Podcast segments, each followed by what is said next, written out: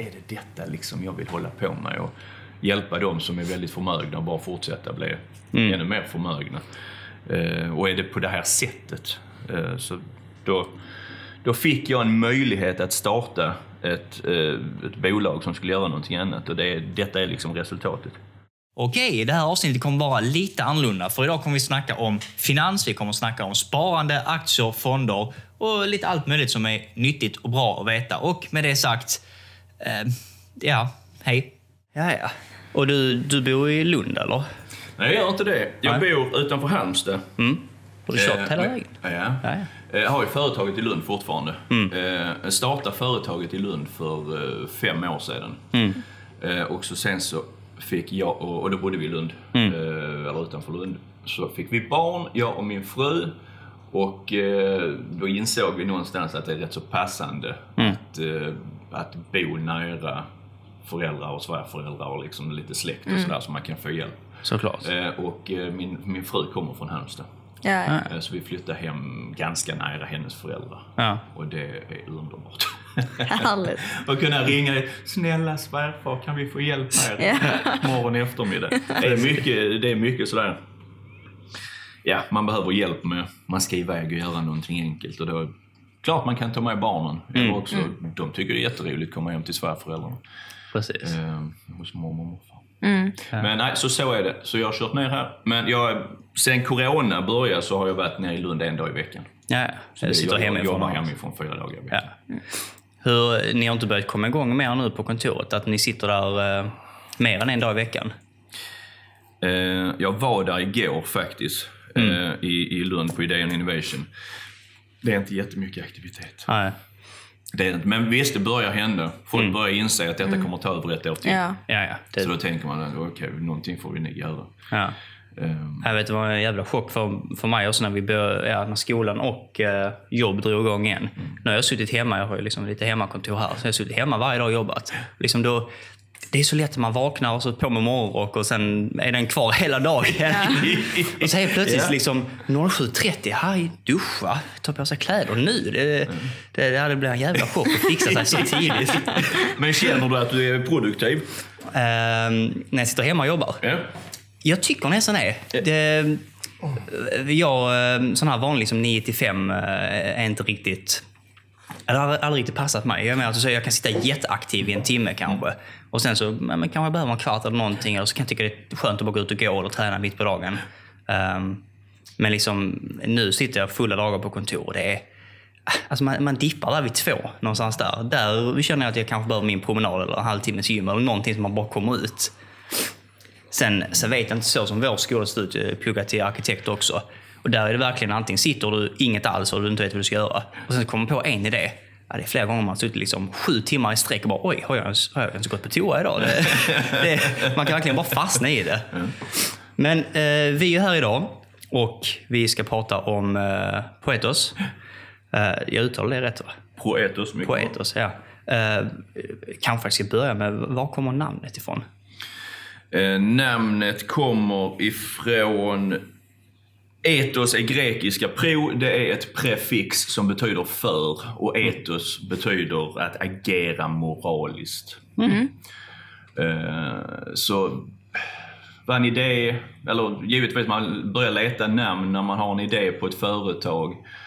Eh, och eh, ja, det, det är ett litet udda namn men jag är rätt så nöjd med det. Mm. Det, det låter ju det låter ju proffsigt. Jag ser, vi, vi fick en kopp här också precis innan vi startade. Och eh, det är inte riktigt grekiska, men det påminner ändå när du har sagt det, så påminner lite om att det skulle vara i, i grekisk stil. Ja, det är fint. Ehm, och i, idag ska vi prata om något som vi inte brukar prata om så mycket. Uh, I alla fall inte på denna podden. Nej, verkligen inte. Nej. Eh, vi ska prata om eh, sparande, aktier, fonder. ehm, och vi har som punkt ett småsparare. Eller vi, vi har småprat som punkt ett. Men Ja. det, det har vi redan tagit oss igenom.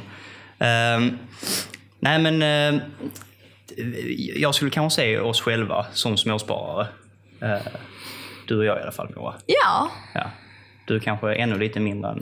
Ja, alltså jag är ju inte sådär jätteinsatt i ämnet så att eh, detta lär ju bli en, bra möjlighet för mig också att höra vad du har att säga och lite sånt.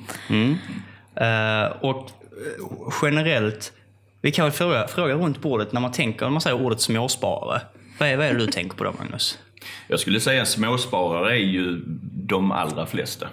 Det är ju helt vanligt folk. Om man tänker större sparare så, så är det ju ofta, man är eh, stor sparare. Antingen har man sparat hela sitt liv så man har liksom en hygglig kasse med pengar.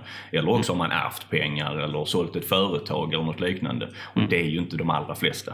Utan de är ju helt vanliga människor som, som sparar sätter av lite pengar varje månad och man kanske får, man säljer någonting och man får en liten klumpsumma här och där. Eh, Så helt vanligt folk tänker jag på när jag tänker småsparare. Ja. Men jag tänker nu också, ja men småsparare tänker jag folk som använder liksom sin, sin vardagslön. Det man egentligen Ja. behöver för att leva tar man och det man har över tar man och slänger in någonstans. Ja, men precis. Lite så som, eh, som jag gör, som vi gör. Mm. Eh, vi tar från våra löner och så lite var månad. Precis. Ja. ja, nu snackar du mer om eh, fonder och pension ju. Där man liksom lägger in ja, några hundralappar Ja. i, i månaden. Um, Jag vet inte sådär jättemycket om vad skillnaden är. Men, Just det, jag satt upp det för dig. Ja. ehm, men eh, vi tänkte om man ska börja liksom... Om vi tar oss igenom lite olika målgrupper. Vi säger folk i 20-årsåldern. Um, vad, vad känner du att man ska tänka på? Lång sikt, kort sikt, eh, riskmässigt? Eh, Om vi börjar med risk. Är man 20 år gammal så kan man unna sig att ta rätt så ordentlig risk. Det innebär inte att man ska ha en totalt icke-diversifierad portfölj. Utan man ska ändå ha liksom diversifieringstänket. Och diversifiering betyder lägg inte alla ägg i samma korg. Så man ska ändå sprida riskerna men man kan mycket väl unna sig att ha en, en, en hög risk i portföljen. Eh, Om man tittar på det här eh, regelverket som finns eh, som bedömer risk om man är inne och tittar på olika fonder så är det, går det från 1 till 7. Och om jag säger mycket risk så skulle jag säga kategorin 5, 6 eller 7. Eh, och om man har flera olika fonder så får man ju räkna ut någon form av snitt. Liksom. Har man en på, som är 5 och två på, på 6 så ligger man någonstans där mitt emellan. Ja. Vad man ska tänka på, en, en viktig del är att om man sparar långsiktigt, om man är 20 år gammal, så ska man komma ihåg att det man lyckats spara, de hundralapparna man lägger undan, är väldigt mycket värda när man plockar ut det när man är 60. För om du skulle spara samma hundralappar när du är 55 så blir det liksom väldigt lite pengar av det. Precis. Eh, Så varje hundralapp som du kan avvara eller som du sparar till pensionssparande till exempel när du är, när du är 20-25 eh, blir väldigt mycket pengar Ja. eh, över tiden. Ja, jag, jag kollar också på någon, eh, jag följer en, en på Youtube som också håller på mycket med, med finans och så. Ehm, och han, han gillar att dra sin liknelse med kaffe, uh, utekaffe. Han tycker det är det dummaste som finns i världen. Liksom, ja, han säger väl det kostar något öre att göra det hemma och så 30, 40, 50 kronor ute. Och då brukar han, jag minns inte exakt vad hemsidan heter, men de här liksom indexuträknarna. Liksom, om du sparar 30 kronor om dagen i så här många år med ett snitt på 7% avkastning om året. Så sa han liksom, ja, börjar du spara på det nu och ta ut om 40 år så är du miljonär helt plötsligt bara för att du inte tog en kaffe ute på Espresso House. Och så- jag tycker det är jävligt mäktigt att tänka så. Ja. Liksom, en sån småsumma tänker man ju, liksom, ja, men en kaffe det är väl, det är väl ingenting. Liksom 20 kronor, det kan man ändå unna sig. Men så börjar man tänka där, ja, men när jag är 65, hade jag varit miljonär, vad hade jag kunnat unna mig då istället? Ehm, Eller ett paket cigaretter eller lite snus. Ja, ja, det är ju ännu värre. Är, jättemånga är ju såklart rökberoende eller snusberoende. Och där, där tror jag verkligen kassan, kassan springer iväg. Nu finns det ju massa rätt så bra appar där man liksom kan skriva upp och så kommer den själv säga liksom, ja, men röker du två paket om dagen så är det så här mycket. Om 30 år hade det varit denna summan eller liksom ett hus eller så. Bara för att försöka liksom konkretisera det. För man tänker ju 50 kronor om dagen. Har man en, en medellön, då är ju inte 50 kronor så mycket. Men när man väl börjar tänka framåt, som du säger, då är det då det eh, avgör. Liksom. Men om man då liksom går upp i, i målgruppen. Om man tänker om man är 30, 35, 40. ehm, hur tycker du man ska tänka i, i den åldern? Det beror på var i livet man är. För bara för man är 30 så kanske har man eh, lagt ner lite, några år på, på en extra utbildning. Eh, Man kanske har börjat jobba, man har kanske en hygglig lön. Eh, Man kanske inte har skaffat barn ännu eller också har man det. Man kanske har köpt lägenhet eller boende, kanske har man inte det. Men jag tror om det är någonting man ska tänka på så är det när man eventuellt får en högre lön för man är klar med utbildningen. Eh, Att man inte ska bränna allting. Nej. Man ska inte tänka wow, nu har jag den här häftiga lönen eh, och eh, liksom i slutet av månaden så är det borta.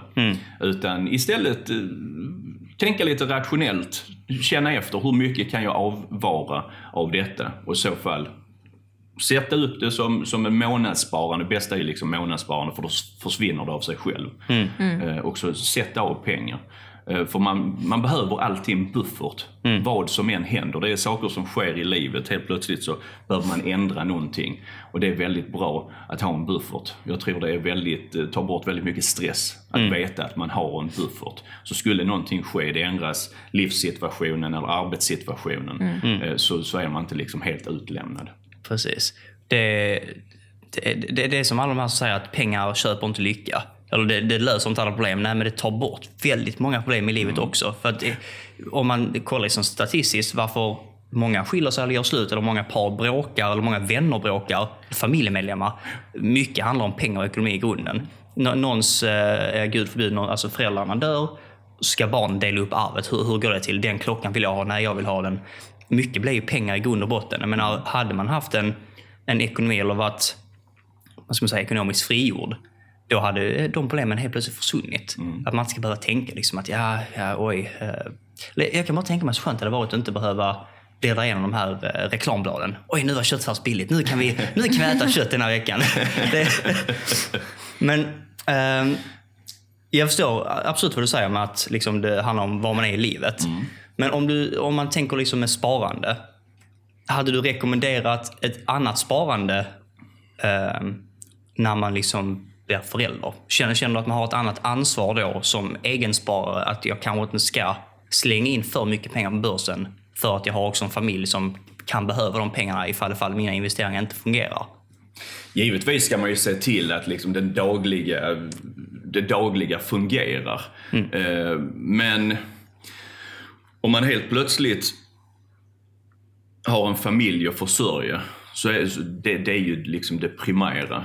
Eh, Men sen tillbaka på det, här, kan man spara så är det ju jättebra att göra det. Eh, Och jag skulle säga att det är väl trevligt att kunna, om man kan spara, eh, sätta av lite pengar till sina barn. Så att de har lite pengar när de blir 18. Precis.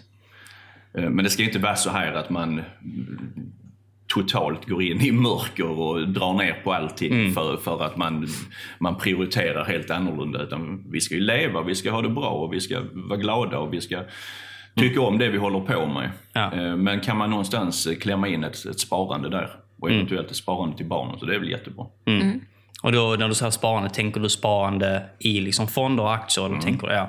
För vi har ju många vänner, när jag, när jag har försökt prata liksom om detta, i den mån det går. Folk blir väldigt uh, ointresserade snabbt om man snackar om tekniska analyser och detta och detta. Eh, Men det är ju förbannat tråkigt så det förstår jag. det är ju väldigt tråkigt, men det är så kul att kolla på graferna. Nej, men, eh, då har vi många vänner som säger, nej men jag, jag lägger undan på ett sparkonto varje månad. Där har jag mina pengar.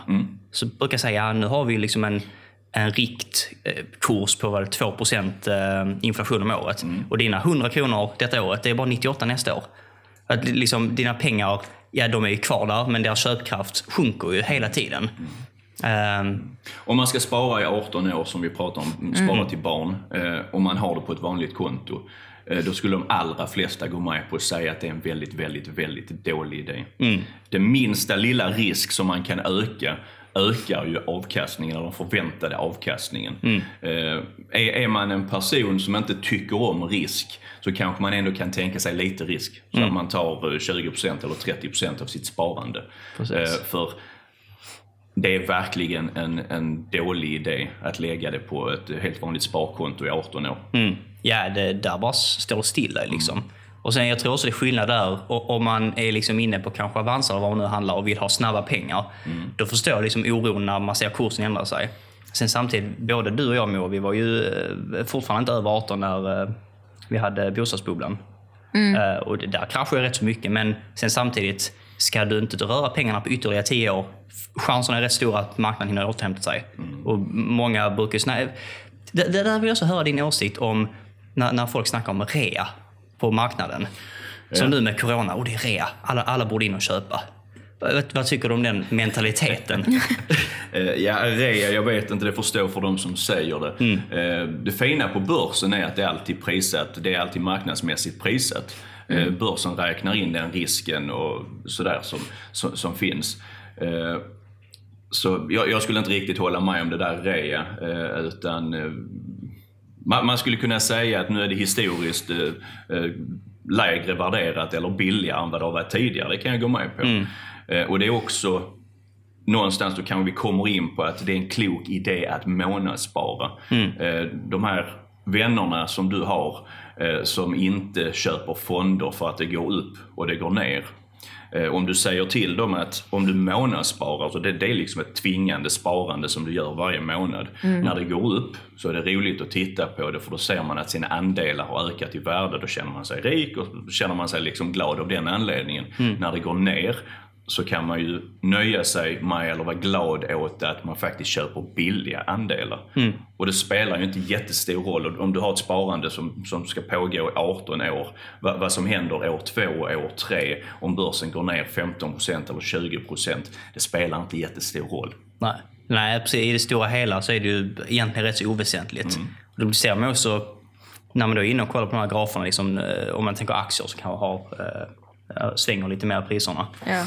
Det är liksom, där ser man väldigt stora svängningar och tänker åh, plus, nej nu är minus, nu är plus, nu är minus. Men zoomar man liksom ut och kollar historik på fem år, ja, förutsatt att det är en hyfsad aktie eller fond så borde ju eh, riktningen gå uppåt. Eh, och överlag är det egentligen det enda som, som jag tycker man borde sikta på. Liksom att skit i de småsvängningarna, men eh, går det överlag uppåt så chanserna är att det kommer fortsätta gå överlag uppåt också om du har pengarna inne länge nog. Men ehm, där, där har vi också just det här att folk är rädda för risker. De tänker men jag har ju min lön, jag vill inte riskera att förlora den. Sen samtidigt, när man då...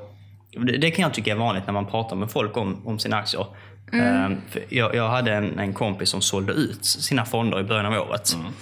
Ehm, bara, bara för att han, man behövde pengarna liksom, eh, rörliga. Eh, och sen kom corona och allting krascha. Och då kommer det här. Ja, vad var det jag sa? Det, därför skulle du sälja. Så bara, men det, det är så dumt att försöka tajma marknaden. För att eh, det är också överlag. Eh, jag, oh, jag vet inte vad, vad de... Jag läste någonstans att de hade räknat ut att eh, överlag, om du bara lägger in, som du säger, månadsspar i marknaden, så tjänar du alltid mer än om du försöker tajma liksom, toppar och dalar. För det är liksom att eh, chanserna, eller riskerna är större att du missar en uppgång än att du prickar rätt på den. Det, jag, jag tror det är någonting som, folk drömmer ju om att man ska ha den där förmågan. Eh, och jag tror att det, det är någonting, väldigt många profiler eh, inom, inom bank och eh, vill ju ge sken av att man kan förutspå uppgångar och nedgångar. Eh, jag är inte av den uppfattningen utan jag, jag tror att det, det är bättre att se rationellt på det. Eh, om vi tar idag, eh, skulle vi säga liksom att, att vi är någonstans på någon topp eller sådär? Nej, men vi kan konstatera att det har gått rätt så bra den senaste tiden. Eh, och jag tror att om man istället ser rationellt på, på vad som har hänt i, efter den 20 februari när det hade fallit. Kan, då kan man konstatera liksom att okej, det har fallit rätt så ordentligt. Eh, ut, om man, kommer, man tar ett beslut utifrån det så kan man kanske säga att vi köper till ett helt annat pris än vad vi hade gjort för tre veckor sedan. Det, det är ju någonstans rätt så konkret om man kan dra ett rationellt beslut. Eller ta ett rationellt beslut. Eh, Men när det går på andra hållet, jag menar att sälja idag, det finns ingen som kan säga om det fortsätter upp i tre år till. Utan det är bara acceptera. Liksom. Vi, vi kan se historiskt hur det ser ut och vi kan ta rationella beslut utifrån från det. Men att förutspå framtiden, det, vi, vi kan prata om det men det är ingen som kan göra det tyvärr. Nej, och de som lyckas få rätt någon gång, det är de som skriker högst. Man säger det, det är varje dag när jag ser på eh, nyheterna, alltså när man scrollar igenom på telefonen. Eh, This is why the market will crash soon. Och jag ser en ny sån artikel varje vecka. Men till slut när det kraschar och då, den som hade sin artikel senast kommer säga, ja, där ser ni, jag, jag visste att det skulle hända. Och Men det, det skriver ju alla. Alla försöker säga att ja, nu har högkonjunktur så länge, lågkonjunkturen kommer, nu ska man sälja, köp inte detta. Jag kollar på... Alltså, när folk kollar liksom... Jag har så många som säger, som till exempel Norwegian nu. När folk säger att den har ju stått i det är 300 norska eh, som högst. Så säger folk, ja men om den hoppar upp dit igen. Ja, men du kan inte riktigt utgå från vad ett företag stod i för 5-10 år sedan, att den skulle hoppa upp dit igen. För det är många företag som har stått i hur högt som helst innan, men som ändå går bra nu, men att aktierna är mindre värda. Så där, eh, jag, jag tror det farliga för småsparare är kanske liksom när man har analys som sträcker sig bort till näsan. Ja, men jag tänker det är, är, alltså när man skriver ut sådana här stora eh, annonser om att nu kommer det gå ner. Är det inte bara egentligen skrämselteknik? Alltså att man skrämmer de som inte är sådär jätteinsatta Jag i tror det. man vill sälja lösnummer, man vill eh, få folk att läsa artikeln. Ja, ja. Faktiskt. Eh, Och sen är det ju så här, om det är någon som har gissat rätt tidigare, någon som, som, du, som du sa, eh, samma vecka liksom som, som det börjar gå ner i, i februari. Eh, om det är någon som hade gått ut och sagt nu är det nu är katastrof, katastrofen kommer. Då ble, blir ju det en person som man kan lyfta fram och säga, han förutspådde liksom förra ja. förra gången det gick åt skogen. Och då helt plötsligt så blir det ju ännu fler som läser den artikeln. Ja. Eh, och mycket handlar ju om det, man ska dra, dra folks uppmärksamhet till, till sina olika artiklar för att eh, ja, sälja marknadsföringsplatser. Ja. Men Det är nog också därför jag gillar fonder generellt sett mer. Eh, än, eh, än typ som jag för att, eh, som du säger, att man kan tänka rationellt och försöka tänka logiskt och se på historiska kurser, var världen står nu, vad man kan tänka liksom, hur företag, företag faktiskt går och vad de producerar. Men sen när man kommer till mindre företag, där kan folk ofta göra sina snabba pengar eller sina stora förluster. Men där är det mer, jag, jag har sett folk göra tekniska analyser på eh, eh, ja, lite, lite mindre företag som jag har varit investerad i. Och alltså, Sådana analyser funkar inte där, för det, det är bara eh, vad heter det, grupppsykologi, folkpsykologi. Liksom någon skriver, ja nu går vi upp 10% idag. Ja, den brukar gå upp 10% när någon stor skriver det. Och sen när någon säger, ja nu har vi gått upp för mycket, vi har träffat, jag vet inte vad de brukar säga, dubbeltoppen, nu, nu rasar vi ner, stöd här nere. Och då, då paniksäljer folk som har tjänat sina pengar och så går de ner och så säljer de som har haft ett lägre gav, säljer igen. Så det Jag, jag tror man ska dela in småsparare i, i två olika kategorier. De som är intresserade av detta, eh, och det kanske är 10% eller ännu mindre andel av dem. Eh, De andra 90 procenten bör inte lägga liksom någon vikt vid det överhuvudtaget. Möjligtvis så är de lite stressade över att de inte fokuserar mer på det. Eh, Men de allra flesta, jag skulle gissa då 9 av 10 personer, bör inte lägga någon tid på detta överhuvudtaget. Utan sätt upp en portfölj, ett sparande som man är nöjd med. Och så sen bara låt det vara, stämma av en gång per år eller någonting. Oavsett eh, vad man läser och det är krigsrubriker i tidningarna och sådär. Har man en strategi som man är nöjd med, man har satt, satt upp liksom utifrån ett rationellt antagande. Så håll, håll, till, håll dig till det. Men sen är det de då extra om det är en, en av tio personer som tycker detta är jätteroligt. Men då helt plötsligt ham- hamnar vi liksom på, på hobbynivå. Låt dem hålla på med vad som helst och investera i massa små, små aktier och eh, skicka analyser fram och tillbaka och göra tekniska analyser eller vad det nu må vara. Eh, men jag, jag tror ändå att de allra, allra flesta personerna bör inte överhuvudtaget liksom lyssna på det utan sätt upp en strategi som du är nöjd med långsiktigt och håll dig till det och så slipper du liksom lägga uppmärksamhet på allt det där andra. Ja, det låter ju väldigt sunt. Nu tänker jag, vi har ju pratat väldigt länge nu utan egentligen eh, lyfta fram dig helt och hållet. Eh, Precis vad jag skulle komma Ja, till. ta över. Nej, men nu, nu har vi pratat lite, lite smått om småsparare och så här. Men vi har ju inte riktigt intresserat dig. Vem är, vem är du? Vem är jag? Jag heter Magnus Alfredsson. Jag har jobbat med private banking och kapitalförvaltning i 15 år. Eh, För fem år sedan ungefär så blev jag trött på det. Jag lämnade mitt, min anställning och eh, startade ett företag med en ambition att göra någonting som jag inte riktigt hade hittat någon annanstans. Jag ville hitta jag ville sätta ihop någonting som var riktigt bra, riktigt hållbart, riktigt billigt och som passar i stort sett alla. Eh, och då inom det här gebitet som jag som ändå hållit på med i 15 år, alltså inom, inom sparande. Eh, Så jag tog ett blankt papper och började dra upp riktlinjer om vilken sorts sparande som jag personligen hade velat ha. Eh, och det resulterar i någonting som vi kallar Proetos-modellen. Eh, sen i samarbete med ett svenskt fondbolag som heter AIFM Capital så lanserade vi för två och ett halvt år sedan fonden Proetos fond. Eh, som är billig och som har gått väldigt bra, som är hållbar på ett sätt så att det sticker ut. Eh, det, det, är, det är lite nytänkande, eh, gör ett urval på ett annorlunda sätt än konkurrenterna. Eh, och jag skulle säga att fonden är så pass bred och har en, en, en riskstruktur så att den passar i stort sett alla, om inget annat som ett komplement i portföljen. Mm. Så jag är rätt så nöjd med, med, med produkten som sådan. Eh, Man kan köpa dem hos de, de flesta svenska banker. Eh, Men eh, nu kom vi in på detta, jag skulle ju prata om, om vem jag var. Men, ty- tydligen identifierar jag mig så tydligt med Proetos. Ja, ja precis. Men så Poetos är liksom, det är mer ett hållbart grönt sparande. Eh, Jag skulle säga att det är ett hållbart eh, sparande, ja. Mm, mm. Eh, och då, då tänker ju jag, eller vi tänker såklart, eh, varför, eh, varför är det så viktigt att det ska vara hållbart sparande? För att du får samma avkastning oavsett om du investerar i, eh, om, om vi uttrycker det liksom som hållbara aktier eller icke hållbara aktier. Eh, det finns ingenting i teorin som säger att du gör ett avkall på avkastningen. Eh, Däremot finns det studier eh, som, där man har tittat på ESG, eh, aktier som, som, som tar ESG på allvar. Studier som går tio år tillbaka där man har kunnat påvisa att man har lite bättre avkastning. Eh, men om man ändå nöjer sig med att det är samma, för då är det inte liksom kontroversiellt, så skulle jag säga att om du får samma avkastning, varför ska du då inte investera i aktier som du trivs med? Aktier som du kan vara stolt över.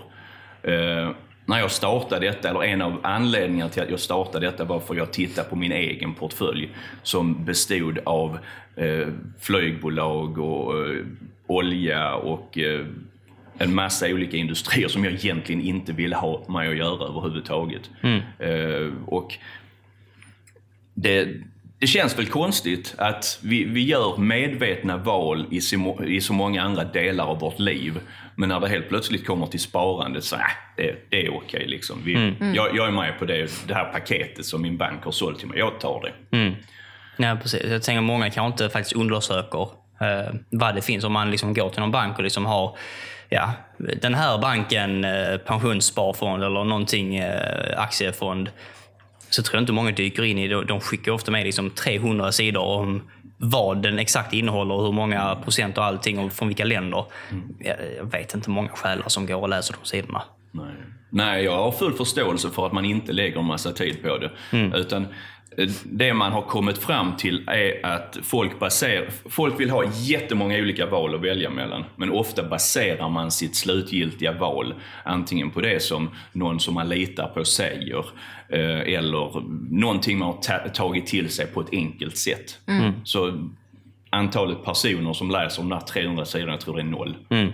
Eh, Nej. Utan man lyssnar på någon man, man litar på, om det är grannen eller om det är banksäljaren som man sitter mitt emot liksom, när, man, när man sitter på sitt bankmöte. Mm. Eh, Det, ja, det är olika beroende på var man får sin in- information ifrån. Mm. Men eh, jag, jag tänkte på det här med hållbart. Är det, är det ni som personer på Pareto som gör det urvalet? Eller har ni liksom någon, eh, ja, något, något program som sållar ut vad, vad som är hållbart och inte hållbart? Vi har ett ramverk. Mm. Jag är ansvarig förvaltare av Proetos fond, vilket innebär att i slutändan så är det jag som tar det beslutet. Mm. Så vi har ett ramverk som sätter liksom ribban för hur urvalet ska se ut. Mm.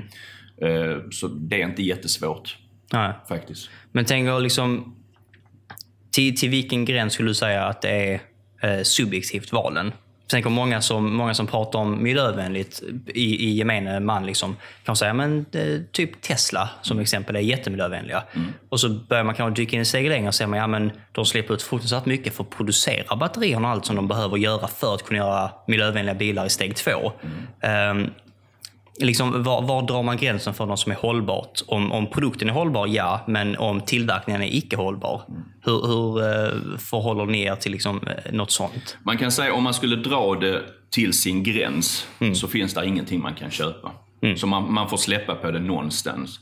Eh, Men jag brukar säga så här, man tittar på tjänsten eller produkten. Är det någonting som, som har en, en roll i vår övergång till en mer hållbar värld? eh, så, så är det intressant. Sen finns det många andra aspekter som, som man får liksom lyfta och titta på. Eh, Men det är egentligen utgångspunkten. Är produkten, tjänsten, någonting som bidrar till, till vår övergång i en mer hållbar värld? Okej. För det som vi också hade som en, som en tanke, liksom, eh, om vi säger att man är helt ny mot Poetos och så tänker man då liksom, ja, men jag, jag, vill bara, jag vill bara tjäna pengar. Ehm, varför, varför ska jag lägga pengar i Poetos i något hållbart? Ehm, det, jag kan väl tänka mig att ni säkert har något ni har pratat om på eh, då liksom för att eh, men för, kan, backa upp är kanske fel men för att förklara varför just hållbart är viktigt att lägga i. Ehm, um, vad, vad skulle du säga om någon hade kommit fram till dig och sagt liksom, jag vill bara tjäna pengar, jag bryr mig inte om det är djurtester eller olja. Liksom. Då kan man säga så här att så länge du har en väl diversifierad portfölj, alltså en portfölj med, med flera olika tillgångar, och många olika tillgångar, så får du den avkastningen över tiden som motsvarar risken. Det är någonting det man får förhålla sig till, för det är vad teorin säger. Eh, Så sen oavsett om du bara investerar i aktier som börjar på B, eller eh, du, du, du, du har någon slumpgenerator som plockar ut liksom 50 olika globala aktier. Så i slutändan, tittar du på risken du har i portföljen som du har satt ihop, så kan du väldigt väl förutspå vilken avkastning du kommer att få. Så det är inte svårare än så. så om du vill maxa avkastningen eh, just nu eh, ja, det beror på lite hur man är som person. Vissa, Det finns ju investeringsbarbarer som absolut inte följer några regler överhuvudtaget utan som sätter allting liksom på ett kort. Eh, och skulle det gå vägen så är det de människorna som, du, som berättar väldigt, väldigt brett om att jag har tjänat så här enormt mycket på detta och detta. Eh, men skulle man ändå någonstans försöka följa regelverket om riskspridning eh, så innebär det att du sätter ihop en hög risk men ändå väl diversifierad portfölj. Då bör du kunna förvänta dig högst avkastning över tiden. Ja. Men någonstans ska du acceptera en, den sortens högriskportfölj eh, kan ju svänga väldigt, väldigt mycket. ja, men såklart så är det ju. Ehm, och sen tänkte vi också lite mer på, men på smart sparande. Ehm, sånt som, eh, som jag har börjat höra mer och mer nu när eh, ja, vi och våra kompisar också börjar mer men fler börjar få fast jobb, fler börjar få höra från olika öron. Liksom, ja, men, har, har du en pension? Har du börjat tänka på framtiden? Och då börjar man liksom komma in lite mer i den världen och tänka på jag kanske faktiskt borde göra något med pengarna jag tjänar. Ehm, när, när, när tycker du man ska börja spara? Hur mycket borde man spara? Hur ofta borde man spara? Eh, liksom sådana frågor. Man ska spara när man har möjlighet till det. Eh, Så jag tror det är klokt att sätta sig ner och tänka rationellt. Se över sina kostnader. Det finns alltid mycket man kan göra där. Man kan se över liksom, eh, försäkringar och mobiltelefonkostnader och kanske vilka tv-kanaler man har och så vidare. Men att sätta sig ner och titta över just kostnaderna man har och sen därefter ta ett beslut. Hur mycket kan jag sätta av? Eh, och kanske till och med fundera på vad är syftet? Varför sätter jag av detta? Är det för att köpa ett annat boende någon gång eller är det för att kunna gå i pension när jag är 55? Eller är det liksom, vad, vad är syftet? Eh, Så man inte bara sätter det på ett konto och så sen så ringer kompisen och säger ska du hänga med på detta? Och så ja, och så tar man ut och så är det liksom, spelar det ingen roll vilket syfte man hade för då tar man ändå ut det och då blir det inget sparande. Mm. Ja, precis. Och vi pratade innan om eh, diversifiering i sin portfölj. Ehm, och om vi då säger till exempel som i vår ålder, 20, 25, 30, någonstans där omkring. Ehm, ser du bara på eh, diversifiering som inom liksom vilka eh, fonder eller aktier man lägger eller ser du också det som långsikt, kortsikt? Man kanske satsar någonting på kortsikt, eh, om vi säger något extremt kortsikt som på en vecka eller två. Att man bara liksom, eller till och med, man har ju sett de aktierna där man gärna vill sälja innan börsen stänger för man vet inte vad som händer under natten. Eh, skulle du rekommendera sådana fördelningar också? Att man liksom har något man kan lägga pengar på och inte kolla på som du sa på ett år eller två. Och något som man kanske nästan måste vara inne en gång i veckan för att bara se liksom, ska jag sälja, ska jag köpa mer, ska jag, hur, hur ska jag göra detta? De, de som är inne en gång i veckan eller en gång om dagen eller fem gånger per timme. Eh, då gör man ju det för att man tycker detta är roligt och då är det hobbynivå. Eh, och då är man förhoppningsvis hyggligt insatt i vad det innebär med risk. Eh, och även vad det innebär liksom att välja att inte ha en väl diversifierad portfölj. Eh, så om du behöver dina pengar inom ett år eller något liknande. Jag personligen hade ju aldrig ta- tagit någon risk med den sortens pengar. Jag menar, hade jag haft en skatteskuld eller någonting som skulle betalas efter ett år eh, så hade jag aldrig riskat det överhuvudtaget. Nej. Eh, Behöver jag pengarna om tre år så eventuellt möjligtvis skulle jag kunna höja, höja risken lite. Eh, Behöver jag inte pengarna på 18 år, ja men då kan jag ta risk. Men jag, jag tror det är väldigt viktigt att dela upp det. Liksom, de här som är intresserade av det, ja de kan göra vad som helst för förmodligen så sitter de liksom och uppdaterar och har koll på det. Och de är insatta, de vet riskerna och de liksom vet vad det innebär. Eh, men alla de här andra människorna, och det är ju den allra största gruppen, som inte vill ha med detta att göra, som inte är intresserade utan som bara vill, vill veta att den där bufferten den ger mig lite säkerhet och så är det inte mer med det. De, de ska ju liksom ha en väl diversifierad portfölj. Eh, Och är det långsiktigt de sparar så ska de, ska de ha en hygglig risk i portföljen. Mm. Ja. Nej, jag tycker det är intressant för att jag tror det var, tror det var Albert Einstein som sa att eh, och nu var det något med, han, han drog liksom med cirklar, men att, att eh, omkretsen av cirkeln växer alltid snabbare än radien. Och att liksom för varje sak vi lär oss så märker vi hur mycket mer vi inte egentligen vet. Och liksom, nu vet jag inte hur du ser här Moa, men eh, din, din nivå av vetande och kunnande inom sparande eh, kanske ställt mot min, som jag ändå skulle säga att jag tycker är rätt så hög. Du, sen så börjar du man- är ju mer insatt i sparandet än vad jag är. Och jag överlåter ju lite mitt tänkande till Alessio. Genom att jag, jag behöver inte bry mig så jättemycket. För jag vet att han löser det. Det är kanske där många ligger också, i alltså ja, sitt jag, jag tror att många tänker lite som mig. Bara att de har inte en person utan de kanske förlitar sig till banken istället. Och, och liksom, sen så finns det de, när, när jag då tycker att jag, nu, nu har jag lärt mig någonting, nu kan jag saker. Så kommer folk, ja men eh, har du inte liksom Bull Bear, har du inte 20x hävstång på detta? Mm. Då liksom tänker jag, fan jag får gå hem och läsa lite vad detta är för någonting då. Det känns som att vad man än hittar inom eh, liksom börsen så finns det alltid så, så mycket mer. Och det, det var som du sa innan, det, det är också de som skriker högst. Liksom att ja, men nu, eh, nu blankade jag Tesla när de inte kom med i S&P 500. Oj vad jag tjänar pengar på det. Så bara, ja, men det hade ju kunnat gå helt åt andra hållet också. Eh, Men du hör ju aldrig någonting från dem när det har gått åt skogen. Nej, precis. För det, det är ju liksom en klassiker. Alla har ju någon, i, i sin umgängeskrets så har man ju liksom den en personen som, som gärna gör lite vågade aktieklipp med jämna mellanrum. Och går det vägen så får man alltid höra det. Går det inte vägen så Ja, försvinner det liksom. Ja. Jag, jag har faktiskt hittat en jätterolig Facebookgrupp, eller jätterolig det kanske inte, men en rolig Facebookgrupp. Som, nej, men där de inte bara pratar om vinster, utan de, de har varje fredag så är det typ så. Eh, nu delar vi min värsta börsdag. och så tar folk en screenshot på liksom deras värsta börsdagar. Men där har jag mer börjat hålla med. och Liksom, man ser, vissa har gått back, åh, jag gick back 300 kronor idag. Så kommer någon, jag gick back eh, 570 000. Och så är det alltid någon, oftast är det en tant, jag vet inte varför. Det är alltid en tant som kommenterar.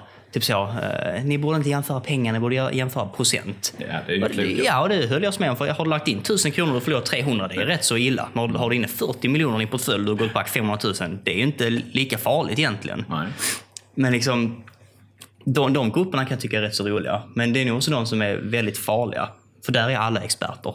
Oj vad alla vet allting i de här Facebookgrupperna. Och alla kan säga exakt vad kursen ska stå i om exakt en timme. Och liksom köp, köp, köp. Det är eh, rea och ja, allt vad det är. Boom, boom har man också börjat Ja. höra nu. Ja. Ja. Men Och det, ännu en gång så kanske det är bra att understryka att vi börjar samtalet med att prata om småsparare. Det här som vi pratar om nu, det är ju liksom för de allra, allra flesta människorna behöver inte lägga någon tid på detta överhuvudtaget. nej, precis. Utan det är ju om man har ett brinnande intresse och man tycker detta är jätteroligt. Då är, kan man ju fördjupa sig hur långt som helst Mm. i, i de finansiella teorierna och analyserna och så vidare. Men jag tänker lite, eh, jag är ju inte så insatt i detta. Hur mycket bör jag egentligen veta om sparande och aktier och hela den här biten också? Du, du, du behöver inte veta särskilt mycket. Nej. Så länge du har någon som kan hjälpa dig eh, så, så är det ju liksom inga problem. Eh, För, för dig är detta mer en, en tjänst. Du sätter in dina pengar och det ska ta sig från A till B. Det hade lika bra kunnat vara en, vad ska vi kalla det, en bussresa eller något liknande. Du, du köper ju liksom någonting. Eh, Och så länge du får goda råd eh, så, så är det inga problem alls. Att Nej. inte vara insatt. Nej. Men eh, hur tänker du liksom, vi, vi pratade om det innan vi började spela in med, med banker. Att de, de bedriver liksom ingen välgörenhet och de, deras mål är också att tjäna pengar såklart. Japp. Eh, hade du ändå rekommenderat någonstans att gemene man läser på så pass mycket så att de kan eh, själva dra slutsatser om vad de vill spara i och inte behöva förlita sig 100% på en, eh, en, liksom en entitet som faktiskt objektivet är att dra in dina pengar till sig själva också. Jag skulle, mitt råd är att gå in och titta på Aktiespararna, organisationen Aktiespararna. De har en, en uppsättning med gyllene regler. Att gå in och titta, det kostar inte en krona. Lägg 10 minuter av ditt liv på att titta där innan du går och träffar den här personligheten på, på banken. Eh, För där, där står väldigt enkelt liksom vad du ska tänka på. Väl diversifierad, eh, låga avgifter, månadsspara. Alla de här grejerna som faktiskt är väldigt goda råd. Ja. ja men sånt, sånt kan jag känna att jag själv måste bli eh, bättre på. Och för att det är väldigt ofta man tänker att ja, men jag kan inte lägga undan tusen kronor i månaden utan jag kanske väntar och så bara, ja, men nu var det nog ett tag sedan, jag får nog lägga in 10-20 000. Och då, då blir det så lite som så att man, även fast man kan dela ut med olika aktier och olika fonder, men det är ändå i, i, i någon mån har du ändå alla ägg i samma korg ändå för att du sätter in alla pengar samtidigt. Eh, och då är ju risken att det går ner eller har du jättetur så går det upp. Men generellt sett är det nog bäst, som du säger, att lägga in lite hela tiden och se det som detta är ett sparande för, för framtiden. Det det är inte sparande för nu. Eh, och det, det tror jag väl många har svårt att tänka med spar. Alltså de tänker kanske att ja, men nu, nu förlorar jag tusen kronor i månaden. De, de kommer jag inte se förrän jag är 60. Jag kanske behöver dem nu hellre. D- om man tar den målgruppen som tänker lite så med pensionssparandet. Att liksom, nu vet jag inte när, när man i regel ens börjar spara. Eh, vad, vad, skulle du säga är snitt? Och, När man, när man börjar pensionsspara, Ja. ja. det finns ju de som sparar tidigt, men då är det ju liksom en hundralapp eller två som det handlar om i månaden. Och det är jättebra för som jag sa innan, det blir väldigt mycket pengar när man är 65. Eh, Men tillbaka på det här, man, man ska ju spara när man har möjligheten till det. Och man ska veta anledningen, syftet till att man sparar. Precis. Ja. Och sen var vi också inne lite på det här, eftersom det handlar om ett hållbart sparande och ett grönt sparande. Ehm, jag tänker, i, i grund och botten är vi ändå liksom alla människor. Och hur, hur skulle du säga att, att du kan förhålla dig till, om man tänker att man ser en, en stor möjlighet och stor chans för en hög avkastning, men det, det är liksom ifrågasättbart. Hade, o- om man skulle prata med de som kanske tänker på det här. Ja, men, eh, jag ger mig in i olja eller vapenbranschen för att jag tror det kommer vara ett bra kvartal för dem. Just av den anledningen till att det kommer bli ett bra kvartal. Eh, För liksom på ena sidan kan jag tänka att ja, men ha inne pengarna lite längre i något som är mindre ifrågasättbart och få samma avkastning. Men sen samtidigt så kan jag själv inte, för att jag är ju själv också bara en småsparare. Jag tycker det är svårt att eh, argumentera emot mig själv när man tänker liksom, ja men jag har utgifter som jag måste täcka eh, och ser en möjlighet att få pengarna snabbt. Eh, det det är lite det tänket som jag tänker, hur, hur ska man överkomma ett sånt tänk? Att liksom, ja, men jag måste tjäna mina pengar, sen om det är ifrågasättbart, det, det lägger jag lite bakom axeln. Men du, du sitter ju aldrig i den situationen att du vet att här kommer du tjäna enormt mycket pengar. Mm. Utan där är alltid en, en osäkerhet. Och den osäkerheten är alltid inprisad. Mm. Eh, Så om du tror att du kommer att tjäna enormt mycket pengar inom tobaksindustrin, Mm. eh, om du köper aktier, aktier där nu, eh, så är det ju din åsikt. Mm. Det, marknaden tror ju inte det, utan marknaden har ju redan prisat in allt, alla eventuella kända eh, uppgifter som finns. Ja, men vad ska man säga? Eh, och, och, om du skulle försöka sammanfatta uh, Poetos. Eh, hur, hur skulle du förklara? Vi, vi ses på stan någonstans. Eh, Jag vet inte varför du stannar mig på stan, men du, du stannar mig på stan och du säger låt mig berätta detta. Ja. Eh, vad hade du då sagt? Jag säger att Poetos investerar i lösningen på klimatkrisen. Mm. Eh, Den är billig och den har på två och ett halvt år gått upp 210 procent. Vilket är väldigt bra.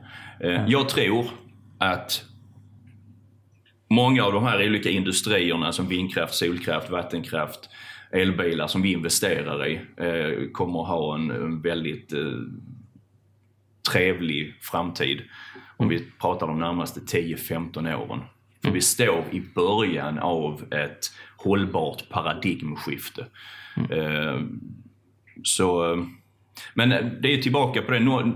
Folk får ju liksom känna efter. Är detta någonting som jag tycker känns vettigt? Och Man kanske till och med ska blanda in rent det, det, det etiska. Att eh, vill jag ha en, en, en investering i en portfölj, en indexportfölj eller något liknande som investerar i precis allt mellan himmel och jord.